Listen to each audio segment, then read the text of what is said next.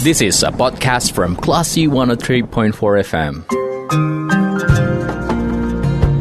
Enlightening Ramadan with Arlin Teguh.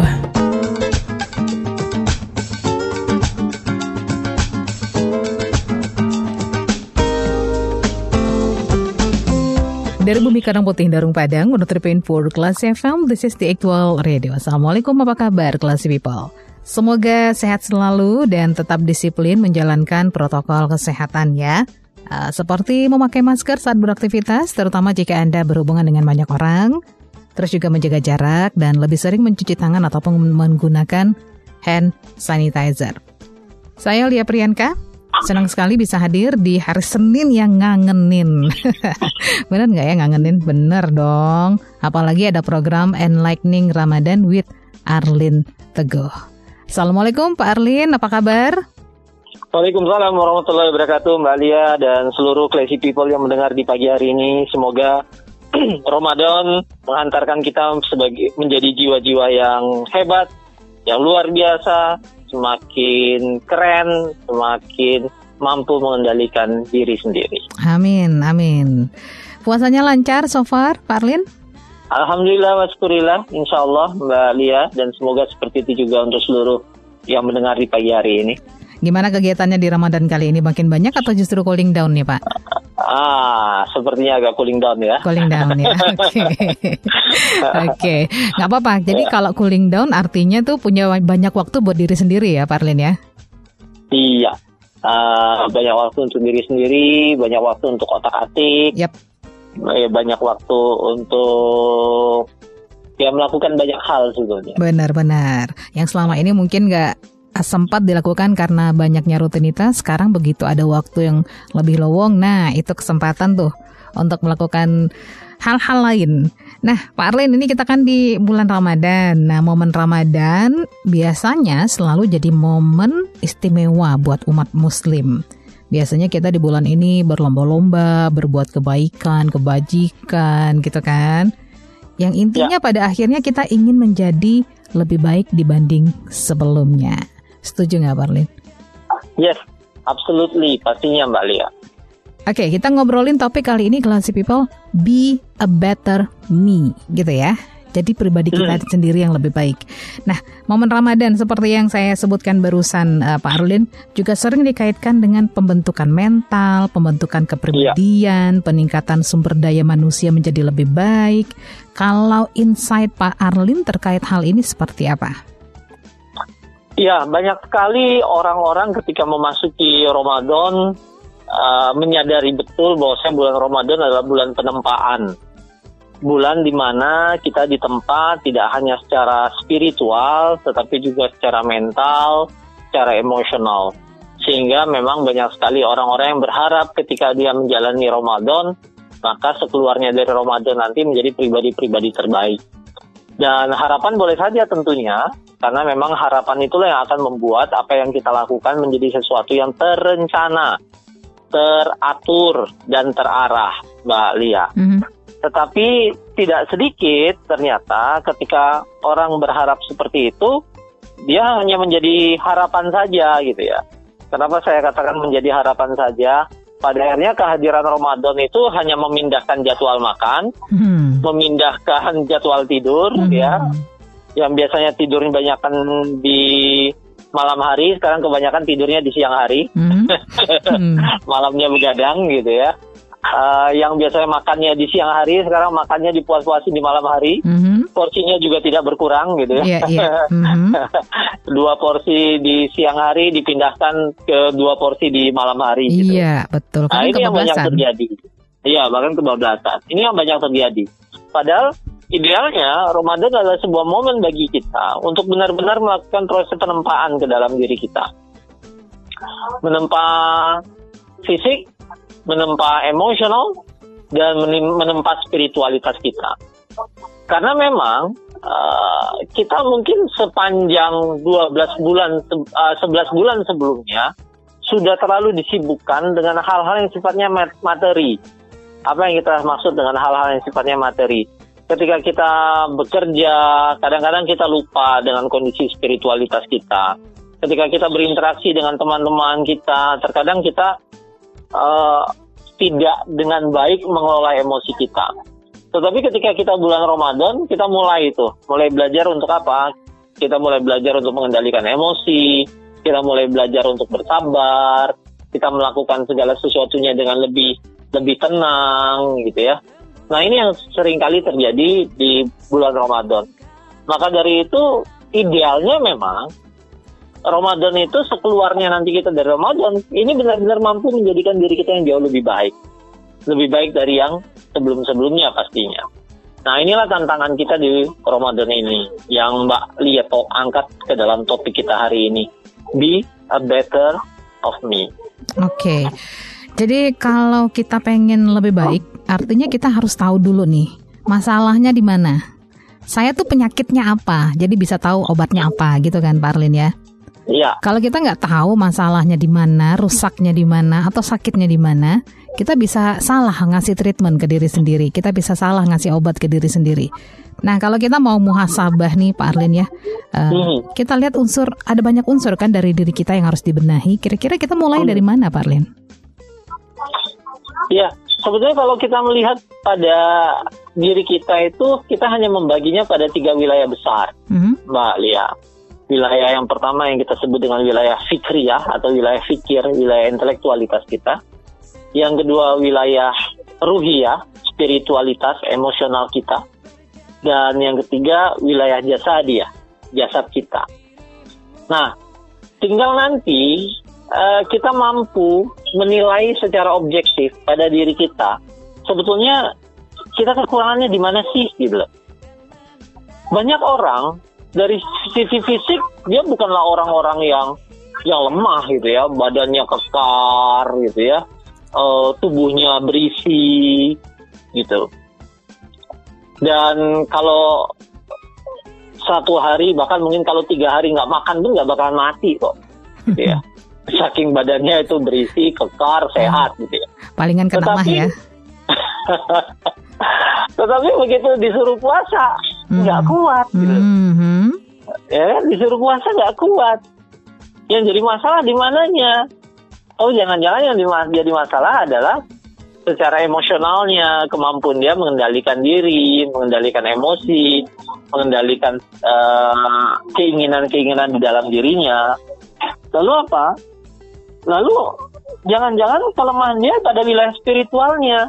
Memang selama ini ketika dia berinteraksi dengan dunia, dia melihat dunia semata-mata sebagai wilayah-wilayah materi, bukan wilayah-wilayah spiritual sini. Sehingga yang terjadi apa? Yang terjadi kadang-kadang menghalalkan segala cara, memandang dunia semata-mata tempat eh, apa ya bekerja dan mencari nafkah semata, bukan sebagai tempat pengejawantahan nilai-nilai spiritualitas. Nah, ini yang sering kali kita lihat dari orang-orang. Kalau Fikriah saya yakin sekali Mbak Lia. Sekarang orang-orang hari ini adalah orang-orang yang secara intelektualitas adalah orang-orang yang cerdas. Kenapa saya katakan demikian? Karena setiap orang yang hari ini hidup itu mengakses dunia informasi dengan demikian leluasa, dengan demikian mudah. Kita hidup dalam dunia tanpa batas ya kita hidup bersama para generasi X, Y, Z dan Alpha. Mm-hmm. Mereka adalah generasi-generasi yang secara intelektualitas memang generasi yang cerdas, diakui itu. Tetapi permasalahan signifikan yang hari ini terjadi adalah kebanyakan orang mulai kekeringan spiritualitas. Gitu. Dan kekeringan spiritualitas inilah yang pada akhirnya memunculkan permasalahan yang uh, signifikan berapa banyak orang yang mudah terserang stres gitu ya berapa banyak orang yang ketika mengalami masalah sedikit lalu bunuh diri kita mendengar cerita anak-anak yang disuruh belajar online sudah ada yang bunuh diri kenapa karena stres menghadapi belajar online apalagi Ramadan ini tahun kedua kita memasuki kondisi Ramadan dengan kondisi pandemi, pandemi. Mm -hmm. ya di mana taraf perekonomian turun beberapa orang kena PHK gitu. Dan ternyata menariknya Mbak Lia yang namanya Ramadan itu tidak menurunkan pengeluaran gitu. Bahkan cenderungnya menaikkan pengeluaran gitu ya. Nah, nah ketika seseorang menghadapi kondisi seperti ini dengan kondisi spiritualitas yang tidak sehat, kondisi emosional yang tidak sehat, maka ini akan berpengaruh pada keseluruhan sistem dalam kehidupannya. Berpengaruh pada fisiknya, berpengaruh pada cara dia berinteraksi, berpengaruh pada cara dia berkomunikasi dengan lingkungannya. Nah, maka Ramadan ini sebetulnya jadi sarana bagi kita untuk belajar, untuk mengasah, untuk memperbaiki kembali, untuk mentelaah kembali. Apa sih yang kurang dari diri kita dari tiga aspek tadi? Dari aspek fitriyah, dari aspek dia, dari aspek ruhiyah. Mana sih yang kurang? Lihat diri kita. Tapi itu seharusnya dilakukan sebelum Ramadan datang kan Pak Arlin ya? Uh, mungkin saya agak sedikit permisif ya Mbak Lia. Mm-hmm. Yang saya maksud permisif tidak ada kata yang terlambat ya. Okay. Untuk memulai sebuah kebaikan ya. Mm-hmm. Kalau misalnya teman-teman belum mempersiapkannya sejak Ramadan masuk kemarin ya sudah persiapkan dari sekarang. Masih ada sekitar uh, eh, 15 hari lebih ya mm-hmm. untuk kita mengasah diri kita. Bahkan minggu-minggu uh, terakhir Ramadan itu adalah minggu-minggu di mana keberkahan itu semakin besar. Yeah. Pintu-pintu uh, surga itu semakin lebar terbuka gitu ya. Nah, tinggal bagaimana kitanya gitu. Uh, mungkin cukup kita menjadikan pembelajaran Mbak Lia dan Crazy People. Banyak orang memasuki Ramadan dengan penuh semangat, mm -hmm. lalu semakin memudar pada ujung-ujung Ramadan. Dan ini terjadi setiap uh, tahun. Yes, gitu. Nah, mudah-mudahan kita termasuk orang yang mungkin kalau hari ini Anda mendengarkan acara ini, mungkin kemarin-kemarin Anda belum merencanakan sebaik mungkin Ramadan ini akan menghasilkan apa bagi diri Anda, bagi keluarga Anda, bagi, bagi lingkungan Anda.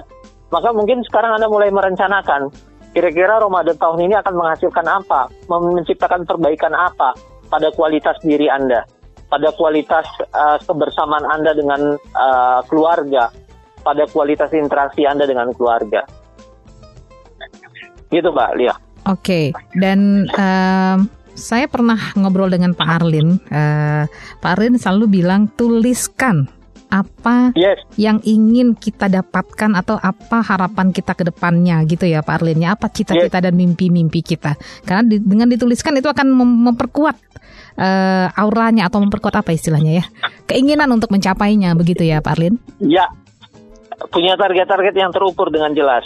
Yep. Beberapa teman, beberapa sahabat ketika memasuki Ramadan, Mbak Lia, dia benar-benar menuliskan agenda-agenda yang akan dia lakukan selama Ramadan. Mm-hmm. Dari mulai sholat, membaca Al-Qur'annya, lalu ikut pengajiannya, bahkan ada beberapa orang mentargetkan dia harus uh, menghafal sekian surat atau sekian ayat, menghatamkan sekian juz, Al-Quran gitu ya. Lalu uh, sholatnya di masjid-masjid tertentu karena mengejar yang bacaan yang bagus. Beberapa teman-teman melakukan itu Mbak Lia. Hmm. tetapi tidak sedikit juga yang saya temukan. Beberapa teman saya ketika memasuki Ramadan dia sudah mulai ngincer-ngincer oh, besok Ramadan kita makannya apa, hmm. makannya di mana, buka puasanya di mana gitu. buka bareng sama siapa iya. aja iya, gitu ya. buka bareng sama siapa saja sehingga jadwal dari mulai hari kedua Ramadan sampai dengan sekarang sudah penuh jadwal buka puasa bersama yeah, gitu yeah, ya. Yeah. Pada akhirnya balik-balik lagi hanya mengurusi wilayah fisik. Hmm. Itu yang tadi saya katakan. Hmm. Hmm. Hanya merubah rutinitas tapi tidak merubah sikap hanya merubah peri, uh, merubah aktivitas tapi tidak merubah perilaku. Oke, okay. ya. baik. Nah ngomong-ngomong soal perubahan perilaku, nanti di sesi kedua kita akan ngobrolin perubahan perilaku ini, uh, Pak Arlin. Sebagian orang ya. mungkin bertanya-tanya, ini adalah puasa yang kesekian puluh kalinya. Kenapa perubahan itu tidak ada? Atau perubahannya hmm. ada nih, tapi kenapa nggak permanen? Nah, nanti kita bahas itu ya, Pak yes. ya. Oke, okay, kelas yes. people jangan ke mana-mana. Tetap di Enlightening Ramadan with Arlin Teguh. Nanti saya Lia dan Pak Aril akan ngobrol lagi di sesi kedua. Tetap di 103,4 Klasi FM Padang. This is a podcast from Klasi 103.4 FM. Enlightening Ramadan with Arlin Teguh.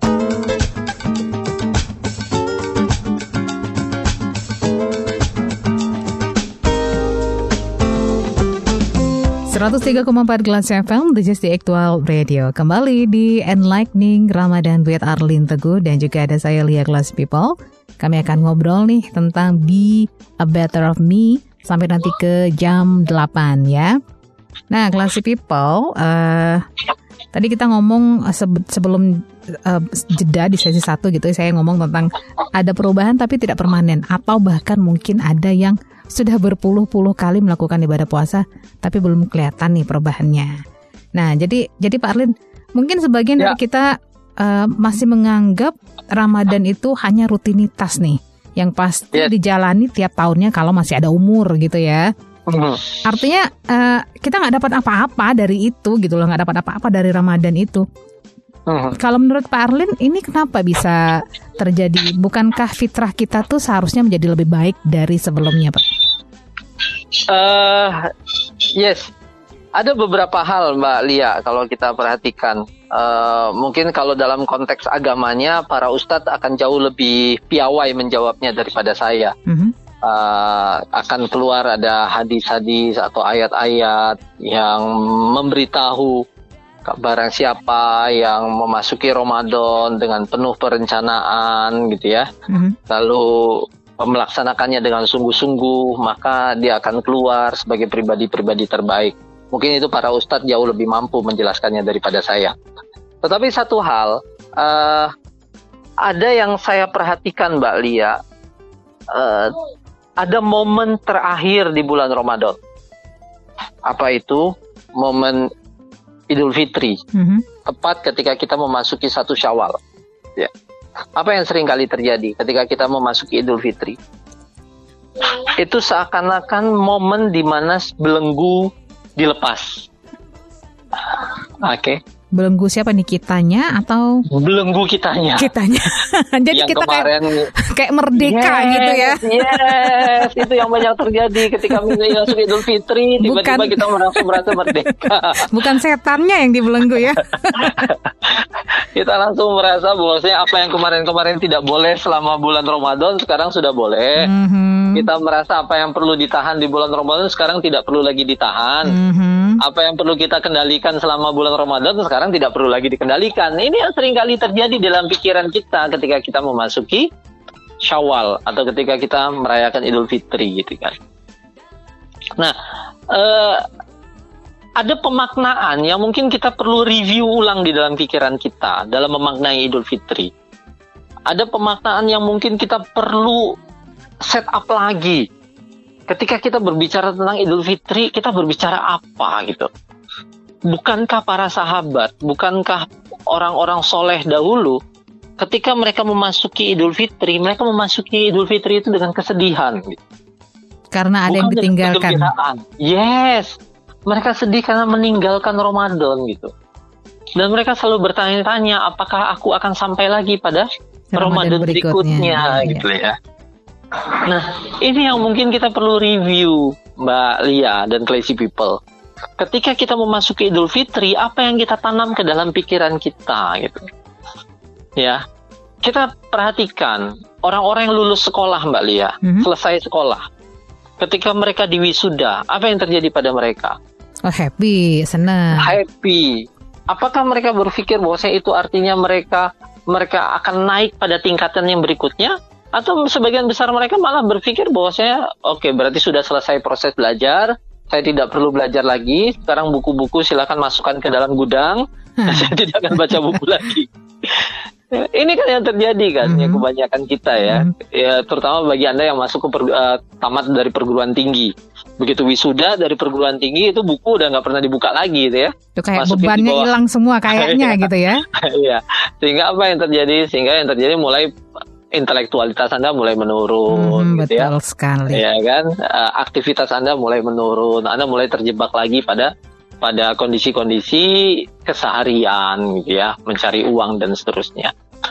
Nah, ini yang saya perhatikan ketika seseorang memasuki Idul Fitri, mulai awal-awal Ramadan kita sudah mulai disibukkan dengan momen wisuda kita gitu kita disibukkan dengan momen momen wisuda. Apa maksudnya? Kita mulai disibukkan dengan cari kue, cari baju baru, mm-hmm. cari perabotan baru untuk rumah, ngecat rumah lagi dan ganti gorden gitu kan, ganti beli karpet gitu ya. gitu ya. Maka ini yang pada akhirnya secara perlahan ya uh, coba lihat grafiknya Mbak Mbak Lia. ketika kita memasuki Ramadan dengan grafik intensitas keimanan yang full, semakin ke belakang Ramadan semakin turun. Begitu Syawal, seakan-akan pintu gerbang terbuka, di mana sekarang kamu boleh melakukan apa saja yang tidak boleh selama Ramadan. Ini yang pada akhirnya membuat uh, perubahan yang kita rencanakan akan di Ramadan itu tidak permanen karena memang sejak awal kita bikin grafiknya menurun gitu. Bukankah proses belajar itu idealnya grafiknya terus meningkat gitu? Apa maksudnya grafiknya terus meningkat? Ketika kita ingin memang menciptakan perubahan di dalam diri kita, maka pastikan Ramadan hari keduamu jauh lebih baik daripada Ramadan hari pertama. Ramadan hari ketiga lebih baik hari daripada hari kedua. Tentunya hari ke-15 jauh lebih baik daripada Ramadan hari pertama. Dan harapan kita nanti di 10 hari terakhir ya, kita diberikan tuh momen-momen untuk menjadi menempa kualitas diri yang lebih baik. Maka digambarkan di zaman Rasulullah dulu 10 hari terakhir di bulan Ramadan itu Rasulullah nyaris tidak tidur. Ya, atau kalaupun tidur sangat sedikit sekali. Dia perbanyak untuk sholat, zikir, beritikaf di masjid. Sehingga apa? Kualitas atau intensitas ibadahnya, penempaan dirinya bukan menurun, malah malah meningkat. Ketika meningkat, apa yang terjadi sekeluar dari Ramadan, dia insya Allah stabil gitu loh. Nah, maka pertanyaannya adalah, apakah kita benar-benar mau bersungguh-sungguh merubah diri kita ketika memasuki Ramadan? Ingat, ada ada kata yang sering kali digunakan dalam perubahan. Apa itu? Kata istiqomah, Mbak hmm, Lia. Ya, ya. Istiqomah. Saya sering kali berkata, istiqomah itu mengandung tiga pemaknaan di dalamnya. Yang pertama komitmen, yang kedua konsisten, yang ketiga resisten. Komitmen itu berarti kita punya hal yang menjadi komitmen kita. Statement yang kita komitmenkan. Tujuan yang menjadi arahan kita kita memiliki statement tujuan yang menjadi arah kita. Ini yang kita sebut dengan komitmen. Yang kedua, konsisten gitu. Kita punya roadmap untuk menuju ke arah sana. Dan roadmap kita itu adalah roadmap yang benar-benar akan menghantarkan kita ke arah sana. Dan kita melalui roadmap itu. Dan yang ketiga, resisten. Resisten itu berarti kita memiliki kemampuan. Untuk apa? Untuk menolak segala hal kita punya resistensi pada segala hal yang akan merusak komitmen dan konsistensi kita tadi gitu. Oke. Okay. Dan perhatikan, kenapa pada akhirnya orang tidak mencapai perubahan yang signifikan? Nah. Karena ketika dia memasuki Ramadan, awalnya komitmennya bagus. Mm -hmm. Komitmennya udah bagus, saya mau Ramadan jadi pribadi yang lebih baik dan seterusnya. Lalu apa? Dia bikin roadmapnya. Nah, tapi mulai tidak resisten ketika apa? Ketika mulai memasuki Ramadan, mau sholat mata terasa berat, ah, ya, perut kekenyangan, hmm. gitu ya. Ini yang sering terjadi. Maka yang kita perlu telah kembali adalah itu tiga tadi: komitmen, konsisten, dan resistensi kita. Dan nanti ada hal yang cukup signifikan yang akan berpengaruh pada kita selama menjalankan ibadah Ramadan kita untuk menempa dan merubah diri kita. Apa itu lingkungan gitu Lingkungan. Kita, saya yakin sekali siapa pun kita, kita masih sangat terkooptasi atau terwarnai oleh lingkungan kita. Ketika kita bertemu dengan orang-orang yang baik, lingkungan-lingkungan yang penuh semangat, tentunya kita akan menjadi pribadi-pribadi terbaik dan penuh semangat pula. Dan begitu sebaliknya, yang sangat mungkin terjadi. Nah, maka akan sangat baik dan sangat indah seandainya ketika kita benar-benar ingin menciptakan perubahan ketika memasuki Ramadan dan perubahan setelahnya, maka bangun komitmen juga dengan orang-orang terdekat Anda. Ah, lingkungan. Uh, bagi Anda yang sudah berkeluarga, yuk bangun komitmen bersama pasangan Anda dengan anak Anda gitu ya. Bagi Anda yang masih tinggal sama orang tua, yuk komunikasi dengan orang tua. Pak, Ma, aku pengen loh Ramadan kali ini kita gini gini gini gini gini gitu ya. Uh, Tapi pastikan yang Anda bicarakan gini-gininya tadi itu adalah peningkatan kualitas pribadi. Nah, ketika lingkungan Anda adalah orang-orang yang juga punya satu tujuan dengan Anda, maka ini akan menguatkan jalan perubahan, Mbak Lia. Ini yang akan juga membuat Anda terjaga. Kenapa? Karena ada orang yang ingetin Anda. Ada orang yang toel Anda, yang colek Anda ketika Anda mulai merasa lemah, letih.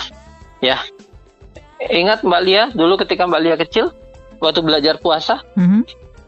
Ada jam-jam krusial? Ada dong. Uh, ada jam 9 pagi, jam, jam 10 sampai jam 11. Hmm, jam segini juga mulai nih biasanya. Iya, mulai. Lalu tiba-tiba papa kita atau mama kita ngomong, "Eh, nak, dikit lagi iya, sayang." Betul, iya, betul. Dikit lagi sayang kan puasanya iya. kan nanti dibeliin sepeda dan seterusnya ya kita kita butuh orang-orang yang menjadikan apa ya menjadi motivator bagi diri kita yang mengingatkan kita yang membesarkan hati kita gitu.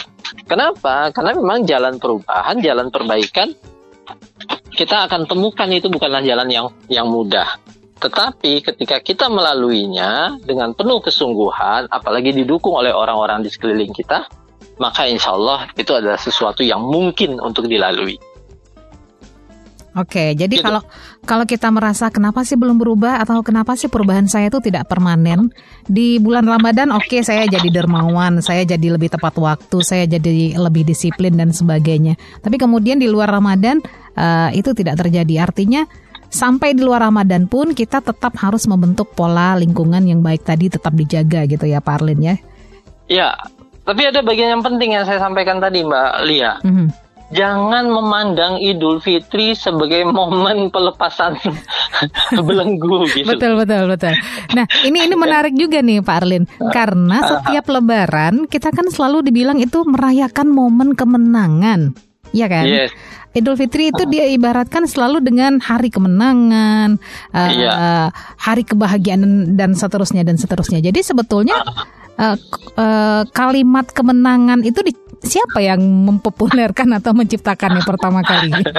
ya, saya juga nggak tahu itu. Kenapa kalau menang itu artinya kita sudah berperang melawan sesuatu kan begitu ya? Bahkan uh, dari obrolan-obrolan dengan beberapa teman yang terutama sudah pernah sekolah atau kuliah di Timur Tengah, kata-kata minal aidin wal faizin itu ketemunya itu di, di Indonesia gitu ya. Luar biasa kreatif ya ternyata ya. Karena di luar itu ucapannya takabbalallahu minna wa minkum iya, gitu ya. Iya, iya. Semoga Allah menerima amalmu dan amalku iya. gitu ya. Ya, jadi jadi memang Ramadan itu adalah bulan memperbanyak amal gitu. Mm-hmm. Dan ketika Idul Fitri kita didoakan agar amal kita amal kita diterima gitu. Betul. Ya. nah, uh, alih-alih dari dari dari kata minal aidin wal faizin yang yang menggambarkan kita kembali dari kemenangan mm-hmm. setelah bertempur berarti mm-hmm. apa? Berarti nanti kalau udah menang kan nggak perlu bertempur lagi. Nah gitu itu ya. dia yang bikin kita jadi santai ya. Lawannya udah nggak ada iya, nih kan? Udah nggak ada lawan. gitu ya. Musuhnya udah selesai. Nah, itu yang mungkin kita perlu review Mbak Mbak Lia. Oh, Kenapa okay. itu tadi yang menjadi poin penting bagi saya? Karena dalam ilmu NLP Mbak Lia, pada dasarnya dunia itu tergantung pada apa yang kamu pikirkan di dalam pikiranmu. Mm -hmm. Dan perilakumu tergantung pada apa yang kamu persepsikan tentang dunia terhadapmu. Okay. Ya itu dia kalau misalnya kita anggap lebaran itu kita persepsikan sebagai hari kemenangan sudah bebas sudah tidak terbelenggu lagi maka hasilnya kembali ke titik nol hmm. Dalam arti kata apa? Dalam arti kata kembali kayak kemarin lagi gitu ya. ya ya jadi ah. jadi ibaratnya itu ada siklus gitu ya.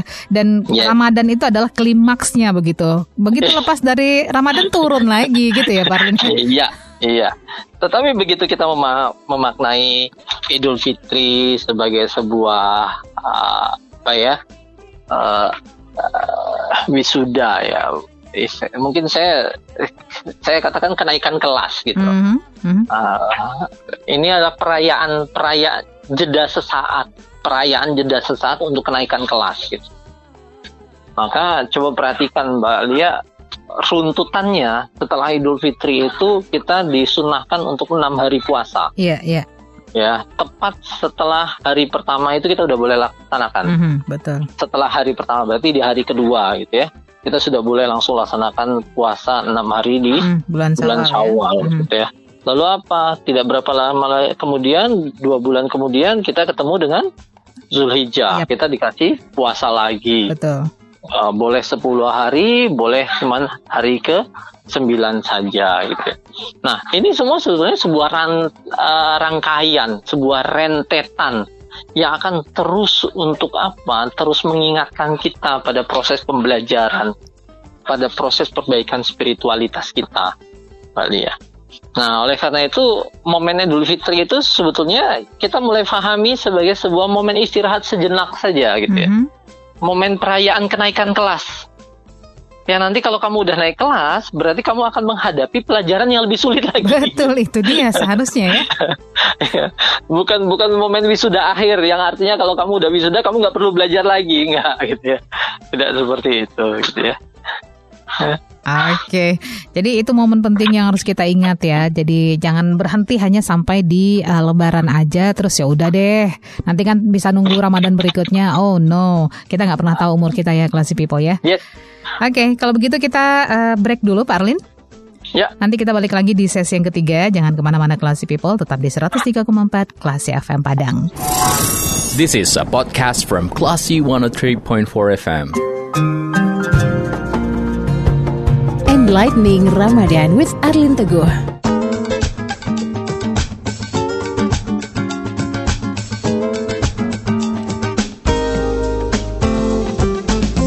...103,4 kelas FM, this is the actual radio. Masih di Enlightening with Arlin Teguh dan uh, kita ngobrol soal Be a Better of Me, Classy People. Untuk kesempatan kali ini ya, ini adalah sesi ketiga. Saya Lia akan ngobrol bersama Pak Arlin. Nah untuk Anda yang tidak sempat mencermati obrolan kami sejak awal tadi, jangan khawatir. Anda bisa mencermatinya via podcast di www.kelasfm.co.id bisa masuk ke situs kami. Di sana ada podcast yang bisa anda eh, lihat gitu ya. Atau silahkan download aplikasi Kelas FM di Play Store dan di App Store. Di situ juga tersedia podcastnya. Di Anchor juga ada Classy People. Jadi ada banyak cara anda bisa tetap terhubung bersama Kelas FM Oke, masih ngobrol soal uh, menjadi diri yang lebih baik nih, Pak Arlin. Jadi sebetulnya Ya. Ramadan itu kalau ibarat motor nih, Ramadan itu adalah sebuah pemanasan ya. Jadi setelah dipanaskan, seharusnya motor ini siap nih untuk menempuh perjalanan uh, 11 bulan berikutnya Iya. sampai kita ketemu Ramadan tahun berikutnya gitu ya, Pak Arlin ya. Yes. Jadi Idealnya seperti itu tentunya. Ah, ah. jadi kayak kayak uh, continuous improvement nih seperti yang Pak Arlin bilang tadi istiqomah gitu ya. Uh, di Hmm. di jeda 11 bulan berikutnya itu harusnya kita juga tetap punya planning-planning yang membuat kita uh, bisa melaksanakan program yang lebih baik di bulan Ramadan tahun berikutnya ya Pak Arlin. Ya. Nah, gimana nih Pak? Eh, Ya. Silakan Pak Arlin.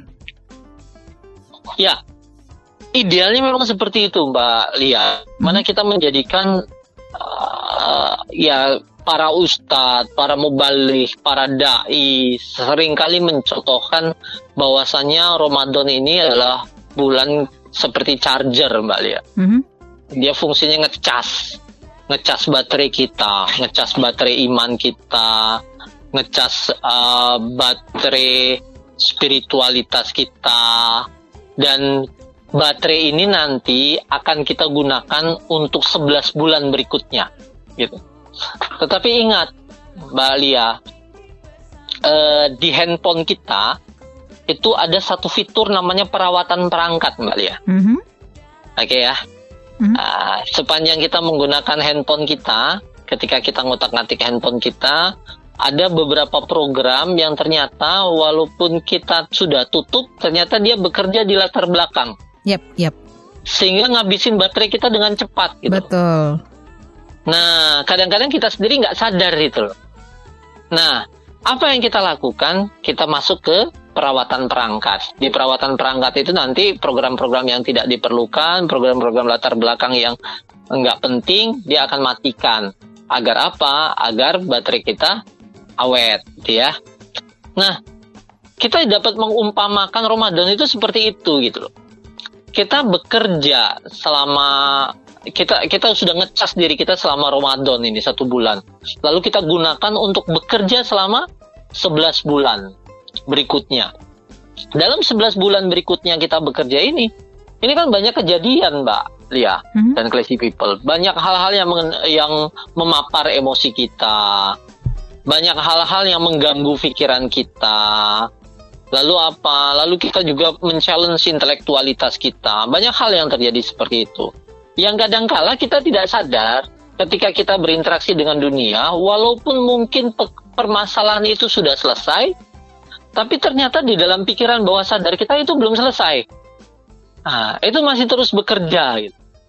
Maka kita butuh membersihkannya. Ini perawatan perangkat. Dan ternyata luar biasa bagi Anda yang muslim, itu perawatan perangkatnya banyak banget. Lima waktu sehari semalam dalam Mhm. bentuk sholat. Senin Kamis dalam bentuk puasa. Sholat malam, tahajud bagi Anda yang eh, muslim ya tentunya ya kon- dalam konteks ini ya. Nah, lalu apa lagi? Ada kalau kita mau puasa lagi ada namanya ayamul bid ya tiga hari di pertengahan bulan gitu ya. Lalu ada puasa di bulan Muharram, ada puasa di bulan Zulhijjah dan seterusnya. Itu banyak sekali.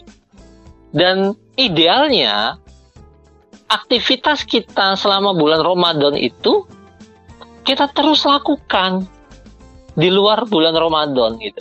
Kalau puasa cuman dua hari atau tiga hari, ah itu mah kecil gitu ya. Kenapa kecil? Wong di bulan Ramadan aja satu. Mhm, bulan berturut-turut gitu ya. Mhm, mhm. Tapi Pak Arlin kan bukan permasalahan kecil Pak. Di mana kalau Ramadan kan kita tahu semua orang puasa. Kalau di luar Ramadan kan tidak semua orang puasa gitu ya. Eh, saya salut dengan beberapa teman saya sekali waktu eh, saya janjian di di luar bulan Ramadan saya janjian sama teman saya di sebuah kafe eh, sambil sarapan pagi dan saya sarapan pagi lalu saya perhatiin kok teman saya ini nggak pesen nggak order dan eh, dan cukup lama akhirnya saya ngomong kamu kok nggak order sih dan luar biasanya ternyata teman saya itu sedang puasa Mhm. Gitu. Dan saya yakin kalau dia bisa menjaganya dengan sangat baik di luar bulan Ramadan, ini adalah hasil dari penempaannya di di bulan Ramadan. Ketika dia mampu mengendalikan dirinya di luar Ramadan, ini karena buah dari Ramadannya bersungguh-sungguh. Dan ini saling mengisi, Mbak Mbak Lia. Mhm. Maka dari itu yang saya ingin katakan adalah, oke, Anda sudah dicas nih di bulan Ramadan. Anda sudah komitmen nih, pengen jadi pribadi yang terbaik nih. Tapi yang jadi masalah adalah perawatan perangkat Anda nggak lakukan gitu. Mhm. Ah, Oke, ya. Jadi fasilitas Ramadan sudah Anda gunakan sebaik mungkin untuk ngecas diri Anda, untuk menjadikan pribadi Anda pribadi yang yang terbaik, insya Allah. Tapi kenapa setelah satu bulan, eh, nggak nggak sampai satu bulan, seminggu sesudah Ramadan selesai, masuk ke seminggu pertama Syawal, Anda udah mulai berubah nih, sholatnya udah mulai males-males gitu ya, gitu ya. Ngomong eh, emosinya sudah mulai tidak tidak terkendali dengan baik lagi Hmm. gitu ya. Itu kenapa? Karena mungkin Anda tidak melakukan perawatan perangkat. Yang bisa merawat siapa? Yo Anda sendiri juga dong, gitu ya. Gunakan fasilitasnya. Kalau Anda sekarang terbiasa bangun jam 4 pagi selama bulan Ramadan, ya mungkin setelah Ramadan tetap pertahankan bangun jam 4 pagi. Kalau kemarin digunakan untuk eh, apa sahur, ya sekarang gunakan untuk tahajud. Itu. Istiqomahin yang berat kayaknya ya Pak Arlin ya. Ya, saya yakin kalau misalnya masuk eh, masuk surga itu jalannya mudah, seluruh manusia akan masuk surga, Mbak Lia. Betul sekali, betul betul. Tapi analoginya menarik nih Pak Arlin. Analoginya Ya. tuh ke handphone gitu ya, ke perawatan handphone gitu ya. Kalau di handphone kita itu kan kadang juga ada optimalkan perangkat anda gitu. Jadi kita buang Yes. tuh sase-sasenya tuh dibuang semua gitu kan. Aha, Nah, aha, aha. berarti kalau diibaratkan ke kita tuh apa ya sase-sase itu apa ya? Berkas-berkas yang memberatkan kita ya, gitu. ya. Maka dari itu perhatikan Mbak Lia. Di akhir Ramadan apa yang kita lakukan? momen-momen yang pentingnya. Iktikaf? Satu, zakat. Oke. Oh ya, ya. Zakat. Zakat itu ngapain? Membersihkan uh, diri dan Oke, harta kita ya. kita kita katakan itu membersihkan harta, tetapi secara tidak langsung itu juga membersihkan sifat bakhil, Hmm, sifat hmm. kikir di dalam diri kita, gitu ya. Lalu mengembalikan haknya Allah, gitu. Kita berikan, kita keluarkan itu zakat. Lalu apa? Kita juga saling bermaafan, Hmm, gitu ya. hmm, Dan itu cace-cace, Mbak Mbak Lia, hmm, gitu. hmm. Itu adalah sesuatu yang memberatkan kita selama ini, gitu. Sifat kikir itu memberatkan kita loh, ya. Sifat yang selalu mau menang sendiri, mau mengambil untuk diriku sendiri saja, gitu.